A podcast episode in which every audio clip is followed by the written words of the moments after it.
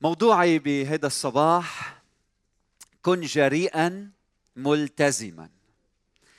كن جريئا هيدي رسالتنا هالسنة كلها. بدنا نعيش بهيدا الشعار كن جريئا. كن جريء بحياتك بمواقفك محاربة الظلم. واليوم تحديدا بدي أحكي عن الالتزام. كن جريئا ملتزما. الأسبوع الماضي سمعنا عظة رائعة من خينا كريم.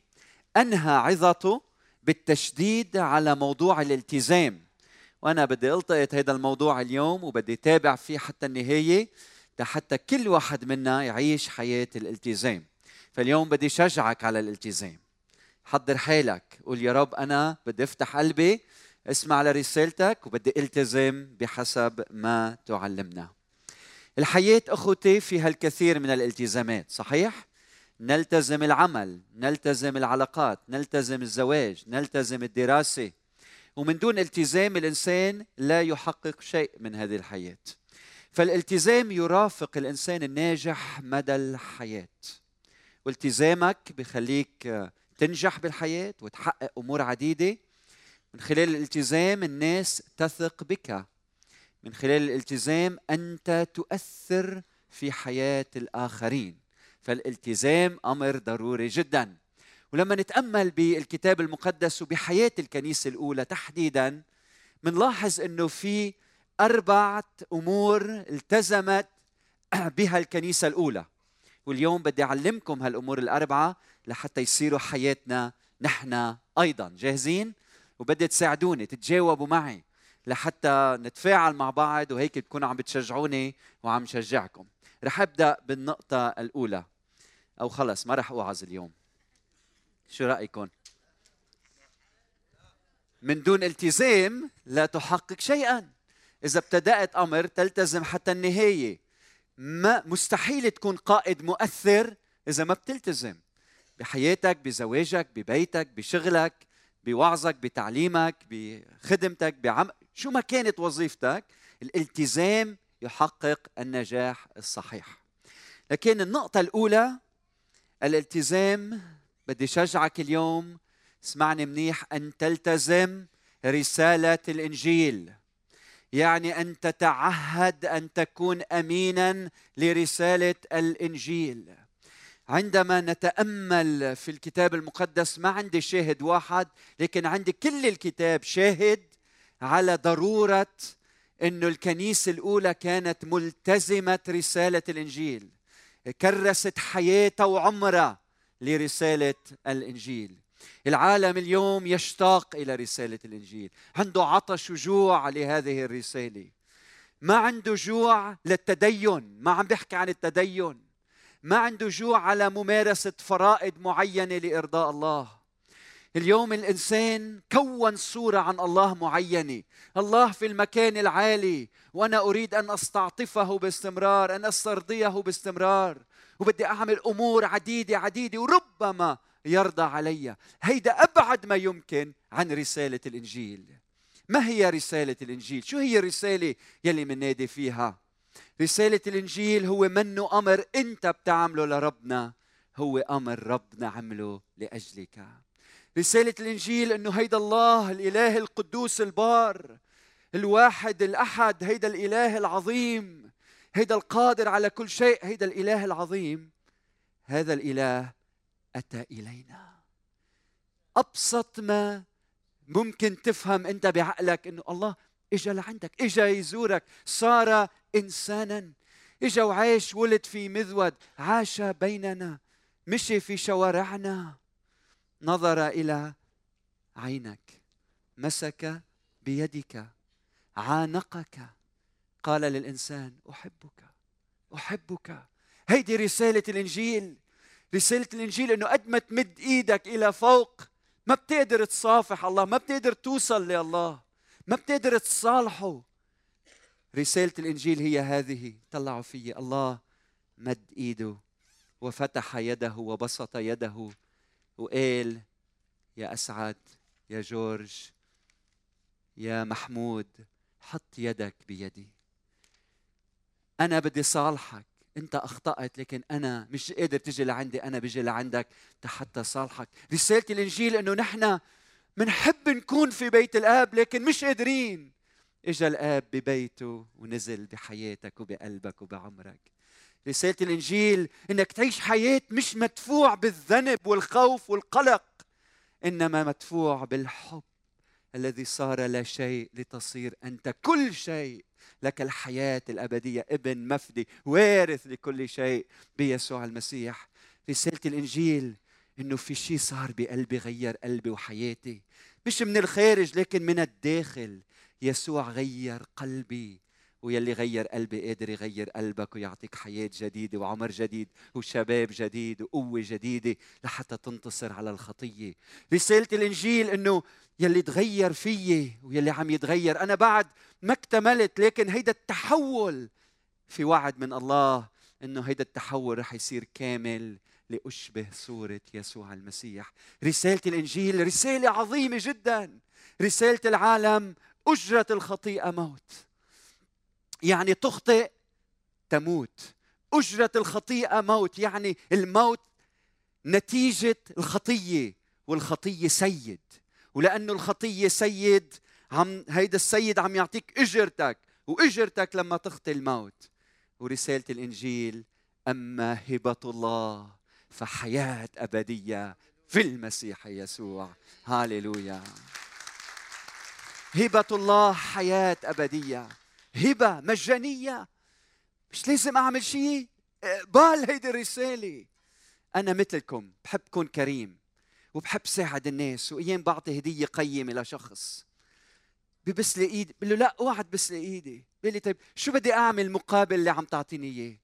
بقول له فقط اقبل الهدية. والرب يسوع المسيح إجا يعطينا هدية. وعم بيقول لك فقط اقبل الهدية.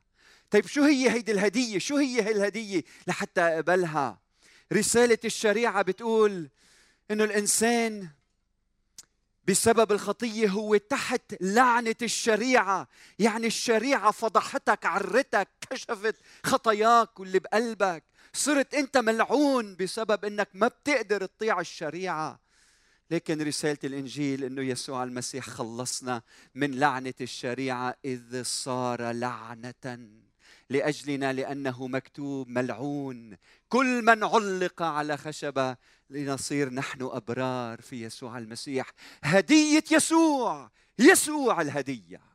يسوع الهدية أعطى حياته لأجلك. فهل أنت بتحط إيدك بإيده في هذا الصباح؟ هل تعطي حياتك وعمرك وشبابك؟ هل بتقول للاله يلي أعطى حياته على الصليب نعم أقبل هذه الهدية في قلبي تصبح إنسانا جديدا خليقة جديدة لتعيش لله كل عمرك. سمعت الرسالة اليوم بدي أدعيك أنك تلتزم هيدي الرسالة كل حياتك وتصير مهنتك ورغبة قلبك ورسالتك وعلى لسانك وبحياتك وبكلامك وأينما وجدت عم بتنادي بهذه الرسالة رسالة الحياة الحياة. يقال اليوم ببعض الدوائر إنه ما بقى في أتباع ليسوع المسيح بهذا الشرق. عم ينتهوا عم ينتهوا. عم يخلصوا.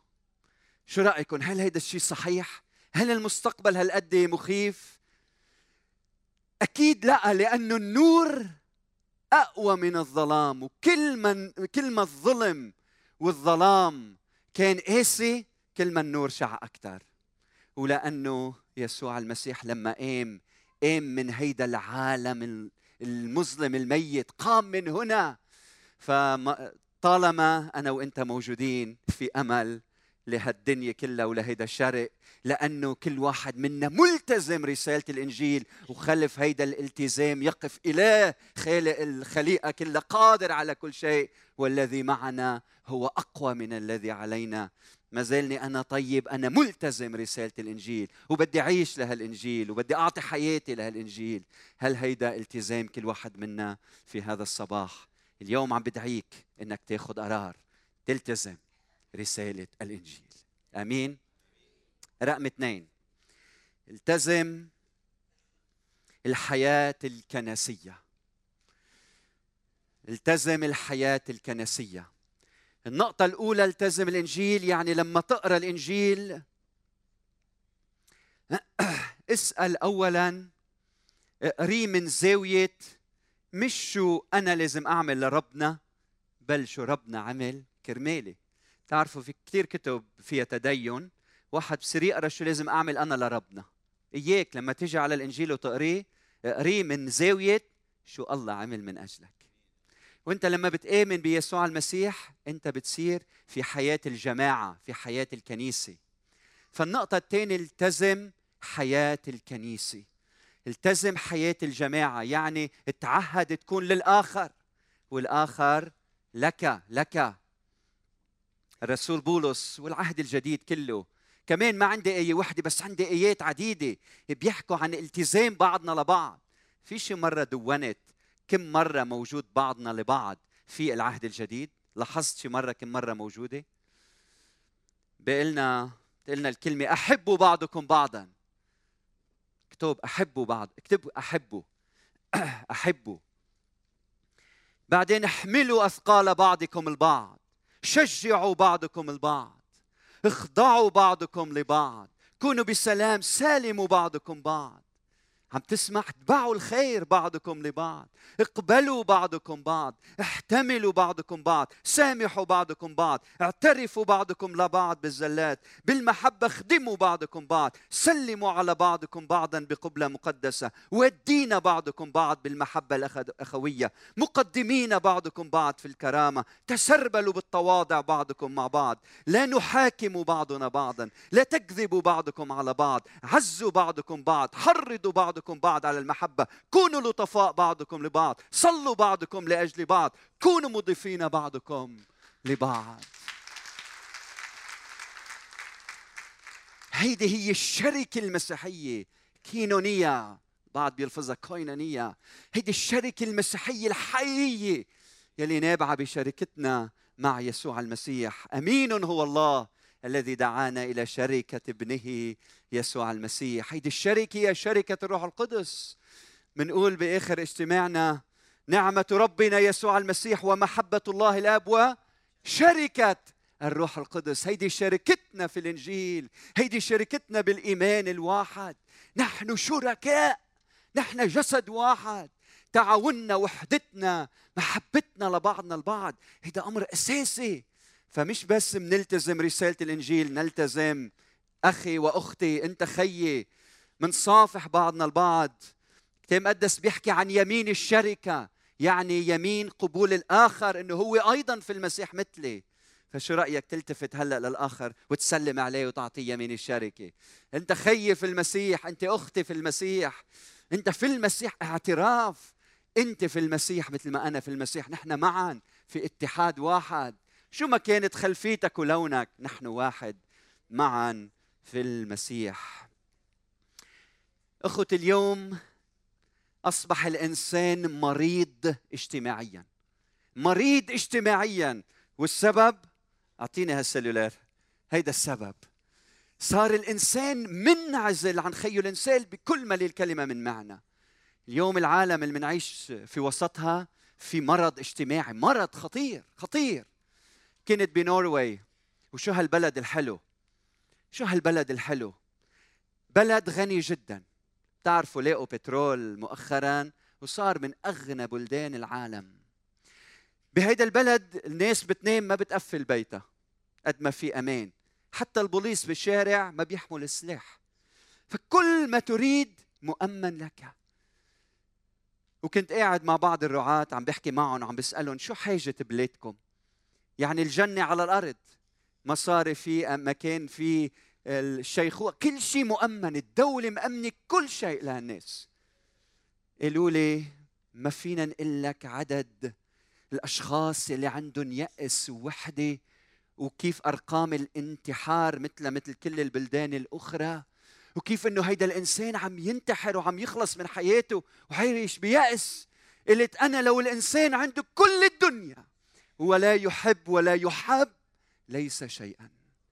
إذا أنت ما عندك حدا تحبه وحدا يحبك وعندك مال الدنيا كلها أنت وحيد ويائس وبائس ولا شيء لا شيء. فاكتشفت قيمة الكلمة المقدسة اللي حرركم الإبن بالحقيقة تكونون أحرارا فإنكم إنما دعيتم للحرية. ولكن لا تصيروا الحرية فرصة للجسد بل بالمحبة. خدموا بعضكم بعضكم بعضا. اليوم العلم اليوم علم الأعصاب. لما يدرس الدماغ بقول إنه الدماغ بيتغير بصير في شيء لما الإنسان يخدم غيره. في شيء بصير بدماغك لما تتحول من ذاتك نحو الآخرين. فبدي أدعيك نحو الآخر خدمة الآخر.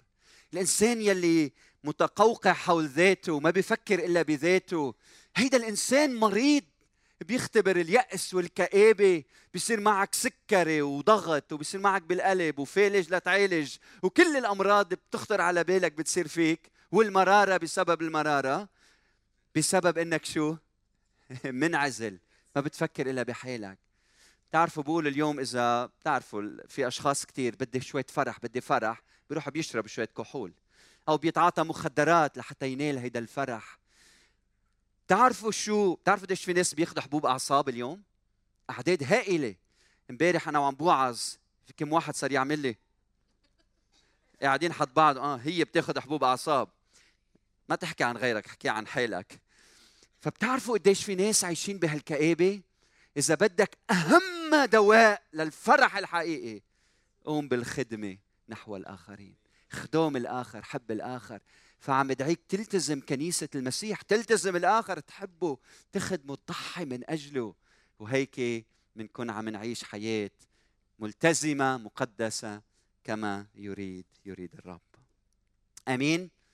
جاهزين للنقطة الثالثة؟ النقطة الثالثة التزم البحث عن الضال. البحث عن الضال.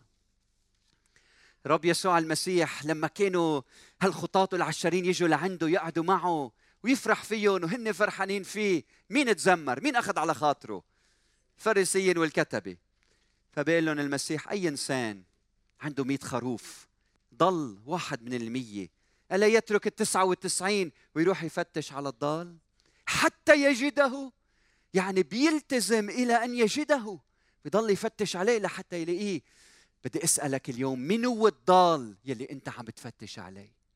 من هو الضال يلي أنت التزمته وراه وراه وراه وراه إلى أن يعرف الرب يسوع المسيح؟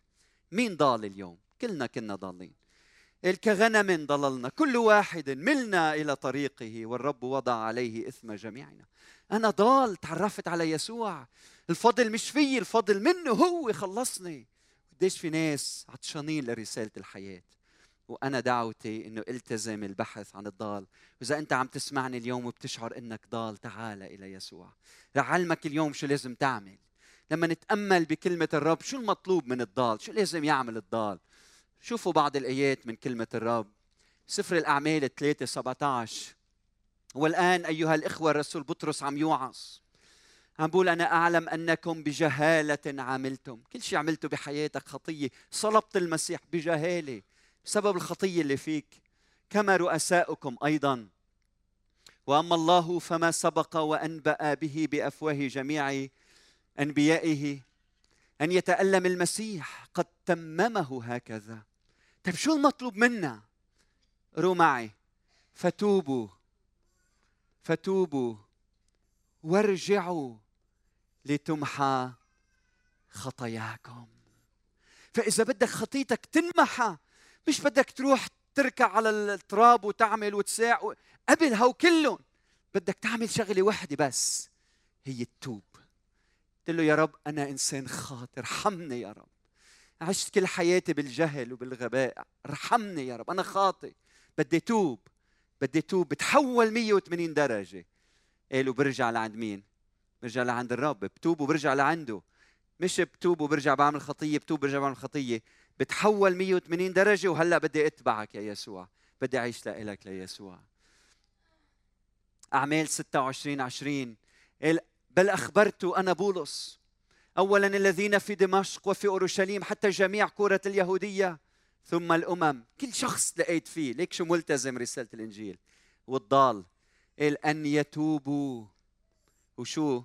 ويرجعوا إلى الله. بيقبلني؟ بيقبلني بسواد قلبي بيقبلني بشري. نعم نعم. إياك تفكر لازم نظف حالي وإجي لعنده. لا تعال عنده هو يلي بنطفك تعال كما أنت بضعفك بخطاياك بإدمانك بشرك. تعال عنده هو يلي بحررك ويلي بخلصك ويلي بنطفك ولكن كان منهم قوم هودي يلي اضطهدوا بسبب رسالة الإنجيل. هودي يلي التزموا يفتشوا على الضال ويربحوا ليسوع.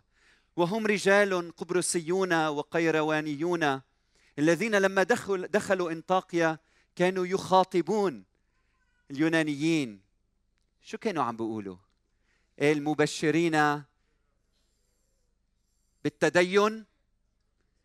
بأمور معينة؟ بشخص. رسالة الإنجيل يسوع. شخص واحد. لما تقبل يسوع هيدي رسالة الإنجيل. مبشرين بالرب يسوع المسيح. وكانت يد الرب معهم؟ شو صار؟ فآمن عدد كثير ورجعوا إلى الرب. هيدا المطلوب الإيمان. حط ثقتك بيلي مات من أجلك. حط ثقتك إنه هو اللي بيطهر قلبك. حط ثقتك واتباع يسوع. ارجع لعنده. هيدي دعوة هيدي رسالة الإنجيل يلي منخبر كل ضال. توب رجع لعند يسوع. توب آمن آمن. توب بيسوع ورجع لعنده. أعمال 26 16 18 الرسول بولس عم بيقول كيف لما ظهر له الرب يسوع المسيح ودعاه للخدمة قال أنا دعيتك لتفتح عيونهم كي يرجعوا من ظلمات إلى نور. يعني انت يا بالظلمه يا بالنور. من سلطان الشيطان إلى الله. يعني في ملكوتين إما ملكوت الشيطان أم ملكوت الله. أين أنت؟ رسالة الإنجيل للضال يلي عايش تحت سلطان الشيطان. يسوع بيحررك لحتى تكون تحت سلطانه. قال حتى ينالوا كيف؟ بالإيمان بإيمان بشخص. غفران الخطايا ونصيبا مع القديسين. بيلتزموا العيلة المسيحية بيصيروا جزء من هذه العائلة المقدسة. فإذا أنت ضال بعيد كيف بقدر يصير جزء من جسد المسيح؟ كلمة واحدة توب. كلمة واحدة آمن. كلمة واحدة تعالى تعالى. يسوع واقف على باب قلب الخليقة كلها لأنه مشيئة الله أن جميع الناس يخلصون وإلى معرفة الحق. يقبلون. أعمال 11 18 فلما سمعوا ذلك سكتوا. وكانوا يمجدون الله قائلين إذا أعطى الله الأمم أيضا. انتبهوا لهالكلمة التوبة للحياة. بدك الحياة؟ بدك تتوب ما بتوب في موت وهلاك. تريد الحياة؟ قل له يا رب أنا بدي توب وبدي أتبعك. صلاتي إنه كل واحد منا يكون ملتزم يلاقي الضال ويشهد له ويخبر عن يسوع المسيح. أخيرا التزم حياة الكرم. التزم حياة الكرم. ليش عم أقول الكرم؟ لأنه الكنيسة الأولى تميزت بالكرم. أنتم بتعرفوا إنه بالقرون الأولى كانوا يبيعوا ممتلكاتهم ويساعدوا المحتاجين والفقراء. تميزوا بالكرم. كان لما يصير في اضطهاد على الكنيسة كانوا يعزموا هالناس يخبوهم ببيوتهم. كان إذا صار في وباء وانتشر وضرب في كل مكان كانوا المؤمنين الوحيدين يلي كانوا يستقبلوا الناس ببيوتهم ويداووهم من شعبهم ومن خارج. كانوا لأنه كانوا يقدموا ذبائح للأطفال وكان الولد ما له قيمة. كانوا لما واحد يجي ولد ما بده إياه كان إما يحطه تحت الشجرة أو يتركه بالحقل أو يحطه بسلة ويحطه بالنهر. وكانوا المؤمنين عندهم الجرأة ينطوا في المياه ويروحوا يفتشوا على هالأولاد وياخذون على بيوتهم ويربون ويغذون ويكبرون ويطلعوا خدام للرب كانت الكنيسة جريئة في عطائها وفي كرمها فالتزمت حياة الكرم. وبدي أدعيك اليوم تلتزم حياة الكرم. هيك بتأثر بالمجتمع من حولك. هيك يتمجد يتمجد الله. وعندي بعض الآيات لإلكم. انتبهوا لهم. أول آية وأهم آية عن الكرم؟ لأنه هكذا أحب الله العالم حتى بذل. حتى بذل ابنه الوحيد. في أعظم من كرم أعظم من كرم يسوع. أعظم من كرم إلهنا يلي أعطى حياته. تعطي ابنك وحيدك من أجل عالم خاطئ عم بيجدف على اسم الرب. إلهنا أعطى ابنه حبيبه يسوع المسيح لأجلنا لكي لا يهلك كل من يؤمن به يؤمن به بل تكن له ماذا؟ الحياة الأبدية. مين رب الكرم؟ إلهنا. مين سيد الكرم؟ مين بيعلمنا الكرم الحقيقي؟ هو. طيب نحن شو مطلوب منا؟ أمثال 11 25 و24 24 25 بقول يوجد انتبهوا من يفرق فيزداد. يفرق يفرق يعني بيعطي فيزداد. شو غلط لازم اللي بيفرق بينقص. تعطي بينقص من عندك صح؟ وبتخلي معك بيزداد اللي عندك. لا مش هيك عم بتقول كلمة الرب. اللي عم تقول يوجد من يفرق فيزداد. ومن يمسك أكثر من اللائق إنما إلى الفقر. بتجمعهم بتفكرهم كتار هو إلي لكن أنت عم بتصير أفقر وأفقر وأفقر. وهيدا المشهد بذكرنا بالزارع الزارع بالربيع. بياخذ هالبذار. إذا احتفظ فيهم. شو بيصير فيه بال بال قبل الشتاء؟ وقت الحصاد. شو بيصير فيه؟ لا شيء. ما عنده شيء ياكله. لأنه احتفظ بالبذار. لكن إذا بيكون كريم وبيوزعها بالأرض وبحطها بالأرض تعطيه ثلاثين وستون ومائة أمين؟ فالرب شو عم يدعينا اليوم؟ عم بيقول لنا النفس السخية. النفس السخية الكريمة السخية الكريمة. شو بيصير فيها؟ تسمن. يعني بتنصح.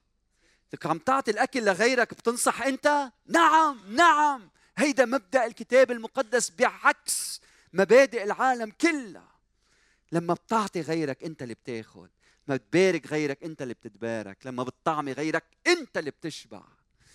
ترجمة أخرى هناك من ينفق فيزداد ومن يدخر فيسير إلى الفقر. المن أعطى بسخاء يعطى. والذي يروي الآخرين يروى. المروي هو أيضا يروى. بتشرب غيرك ترتوي انت. تعطي غيرك تاخذ انت. الرب رب مبذر رب مبذر يزداد ماله ومقتصد فوق الحد لا تكون عاقبته إلا الفاقة. النفس التي تبارك تزدهر والذي يروي يروى. شو حلوة كلمة الرب. ما أجمل كلمة الرب وهيدا نص آخر لكم من يرحم الفقير يقرض الرب. شو يعني يقرض الرب؟ يعني بتدين ربنا. معقول الإنسان يدين ربنا؟ الايه لما بتساعد الفقير أنت عم بتدين ربنا. والله بيشوفه دين. وشو يعني دين؟ يعني بده يرجع يرد لك اياه ومع الفايدة وأضعاف. لأنك أعطيت الفقير والمحتاج. هاليلويا ما بيطلع له زقفة إلهنا. مش هو بيستحق. لأنه إله الكرم والعطاء. كل مرة بتعطي حدا محتاج الرب بشوفها دين دين. قال ومن وعن معروفه يجازيه. من يتحنن على الفقير يحسن إلى الرب والرب على إحسانه يكافئه. هللويا. أمثال 21 13 بشجعكم تقروا بكلمة الرب. بحب حببكم بالكلمة. لأنه إذا الكلمة معك ما حدا عليك. كلمة الرب بحياتك وبقلبك. من يسد أذنيه عن صراخ المسكين. فهو أيضا يصرخ ولا يستجاب. أمثال 22 9 الصالح العين. في عين شريرة مش هيك؟ عين شريرة حسودة بدها ما لنفسها لكن في عين صالحة. هي عكس العين الشريرة. العين الصالحة صالح العين هو يبارك. هيدا الكريم يلي بيعطي يلي بيفتح يده بالبركة والعطاء لأنه يعطي من خبزه للفقير. البركة لمن يده خيرة فيعطي من خبزه للفقير. وكل واحد منا بيقدر يعطي. ولما منزوركم ومتزور بعض أيام نسمع أخبار كيف واحد ما عنده إلا رغيفين خبز بيعطي جاره رغيف. بيعمل طبخة كبيرة ليقسمها بينه وبين حدا عزيز على قلبه. ما أجمل وما أروع الكرم اللي الله بيحطه بقلوبنا. بعدين لوقا 6 37 ل 38 بقول الرب يسوع المسيح لا تدينوا كي لا تدانوا. فلا تدانوا لا تقضوا على أحد. ما تحكم على غيرك فلا يقضى عليكم. اغفروا يغفر لكم. أعطوا تعطوا. أعطوا تعطوا. تعطوا ماذا؟ كيلا. جيدا. تعالوا نقريها بترجمة تانية. كيلا. ملآنا. شو يعني ملآنا؟ كيل. مليان. مليان مش نصه ما بيعطيك ربعه ونصه بيعطيك واحد مليان. طيب مكبوسا شو يعني مكبوسا؟ ليسيح أكثر ليسيح أكثر تياب يلا بتصير تحط لتسيح أكثر مكبوسا. مهزوزا. كنا من زمان أمي تبعتني جيب بن فكان اللي بيعنا بن يصير يعمل لهم هيك. ليه؟ لينزلوا لينزلوا. مهزوزا. ضل يهزه يهزه ليتأكد إنه امتلأ على الآخر هيك الرب بيعمل بحياتنا. الفائدا. يعني حط حط حط حط. ما بقى يسيح هلأ بلشوا يكب على حياة الآخر بحياة الآخرين. عطاك ما يكفيك. طيب هودي الفائض لمين؟ مش لخزنهم لأعطيهم لبارك فيهم. فائضا فائضا قال تعطون في أحضانكم لأنه بالكيل الذي به تكلون يكال لكم. بالدين بتندين تحكم على غيرك يحكم عليك. بتغفر يغفر لك ما بتغفر لا يغفر لك. بتعطي تعطوا تعطوا. فبدنا نعيش حياة مكرسة للعطاء. بعبدكم آيات؟ عندي كثير بعبدكم؟ طيب. 2 كورنثوس 9 6 11 وتذكروا عم بذكرنا الرسول بولس من يزرع قليلا يحصد قليلا. هيدا مبدأ كتابي. بتعطي شوي بتحصد شوي. ومبدأ في الزراعة. بتحط حبة وحدة بيطلع لك نبتة وحدة. بتحط عشرة بيطلع لك عشرة. بتزرع قليل بتحصد قليل. والحصاد دائما أكثر من الزرع. إذا زرعت شوي بيطلع لك خمس حبات. زرعت كثير بيطلع لك 500 والاف مضاعفة دائما مضاعفة. قال ومن زرع كثيرا حصد. كثيرا. فعلى كل واحد أن يعطي ما نوى في قلبه لا اسفا ولا مجبرا يعني بدون تردد ولا بتقول يا الله يا ريت ما اعطيتها الكنيسه يا ريت ما ساعدت فلان. لا اسفا ولا مجبرا لأن الله يحب من يعطي بسرور. ولا قادر قادر أن شو؟ يزيدكم. كل نعمة نعمة عطية بركة. فيكون لكم كل حين في كل شيء ما يكفي حاجتكم. نقطة؟ ما يكفي حاجتكم. نقطة؟ قال وتزدادون في كل عطاء وعمل صالح. لأنه بيعطيك فوق الكفاية بيعطيك للفايض لحتى من الفايض وأكثر تكون عم بتساعد المحتاجين. بعبدكم 2 كورنثوس 9 6 11 قال والله الذي يوفر للزارع زرعا وخبزا للقوت سيوفر لكم زرعكم ويكثره ويزيد ثمار بركم. شو عم بيقلنا هون؟ عم بيقلنا تذكر تذكر إنه كل اللي معك مين اعطاك اياهم الذي يوفر للزارع زرعا. ما تفكر هودي البذار إلك أنا بحطهم وبعمل فيهم مثل ما بدي. هو هو اللي أعطاك إياهم هو اللي أمن لك إياهم سيوفر لكم زرعكم ويكثر ويزيد ثمار بركم فيغنيكم في كل شيء ليكون سخاؤكم عميما. تتعالى من أجله إلى الله آيات الحمد. يعني أنت لما بتعطي بيتمجد الله. الفقير بيحمد الله المحتاج بيبارك الله. لما بتحط مصرياتك بالبنك بتاخذ فايدة 6% عليهم. ال 5000 بيصيروا 5000 وست بصيروا شيء آخر السنة. صح؟ لكن لما بتعطي الفقير بتبارك غيرك وبتتبارك أنت وبيتمجد الله ويحمد بين الناس. يلا بعد آية. واحد تيموتاوس 6 17 19 بختم فيها. الأوصي الأغنياء في الدهر الحاضر أن لا يستكبروا. شو عم تتكبر؟ ما المال زائل. ذاهب فلا يلقوا رجاءهم على غير يقينية الغنى. يعني المال الزائل عم تعتمد على شيء زائل. بل على الله الحي ثابت إلى الأبد الذي يمنحنا هو المصدر. كل شيء بغنى للتمتع بباركك لحتى تستمتع بالحياة. نعم لحياتك. قال وأن يصنعوا صلاحا وأن يكونوا شو؟ مثلكم أنتم كلكم أغنياء في أعمال صالحة. فالغني مش يلي معه مصاري الغني يلي بيعمل أعمال صالحة يلي بيساعد الآخرين. فأنت ما تسأل قديش أنا معي مصاري بالبنك اسأل قديش أعطيت مصاري. هودي كلهم في العالم. هيدا حسابك. أنت غني من عطائك بالأعمال الصالحة. وأن يكونوا أسخياء في العطاء أغنياء في الأعمال الصالحة أسخياء في العطاء كرماء في التوزيع. بدكم تشديد أكثر من هيك؟ استعمل كل هالتعابير ليقول لك كن كريم كن كريم كن كريم. لك نيالك إذا أنت كريم. كريم مش كرمالي كرمالك كن كريم كرمال نفسك كرمال حياتك. المدخرين لأنفسهم أساسا حسنا للمستقبل لكي يمسكوا بالحياة الأبدية. فعيش سقافه الكرم. يعني كل ما تقوم بأمر كون شوي كريم زيادة.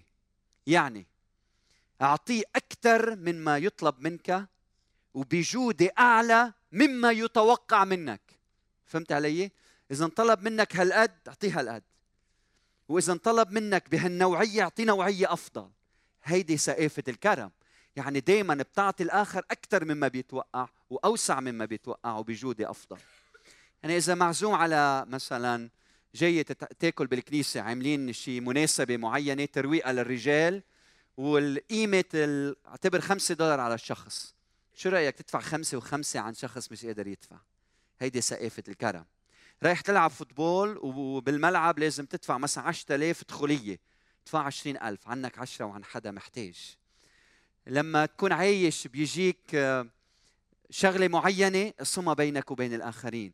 على طول عيش بهيدي السقافة. سقافة الكرم العطاء. إذا الكل بيعطي عشر أنت أعطيه عشرين. أعطيه ثلاثة عيش سقافة الكرم بحياتك اليومية. وتأكد عن اختباراتنا. والصعوبة ان نتكلم عن الأمور لأنه أمور مادية. بس صدقني عن اختبار ما حدا بيقدر يدين ربنا. ما حدا. لما بتعطي الله بيعطيك أكثر بكثير مما يخطر على بالك لأنه إله كله غنى وكرم.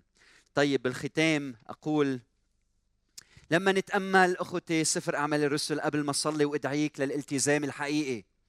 نتأمل بحياة الكنيسة الأولى بنشوف ان الكنيسة التزمت رسالة الإنجيل. الكنيسة التزمت الحياة الكنسية التزمت الآخر. الكنيسة التزمت الضال البعيد. والكنيسة شو؟ التزمت حياة الكرم. فهل تريد نهضة في هذا الشرق؟ هل تريد أن نغير العالم؟ التزم هالأمور الأربعة. والإله الحي الذي يقف خلف هالالتزامات كلها. هو يحقق ذلك من خلالنا من خلال حياتنا.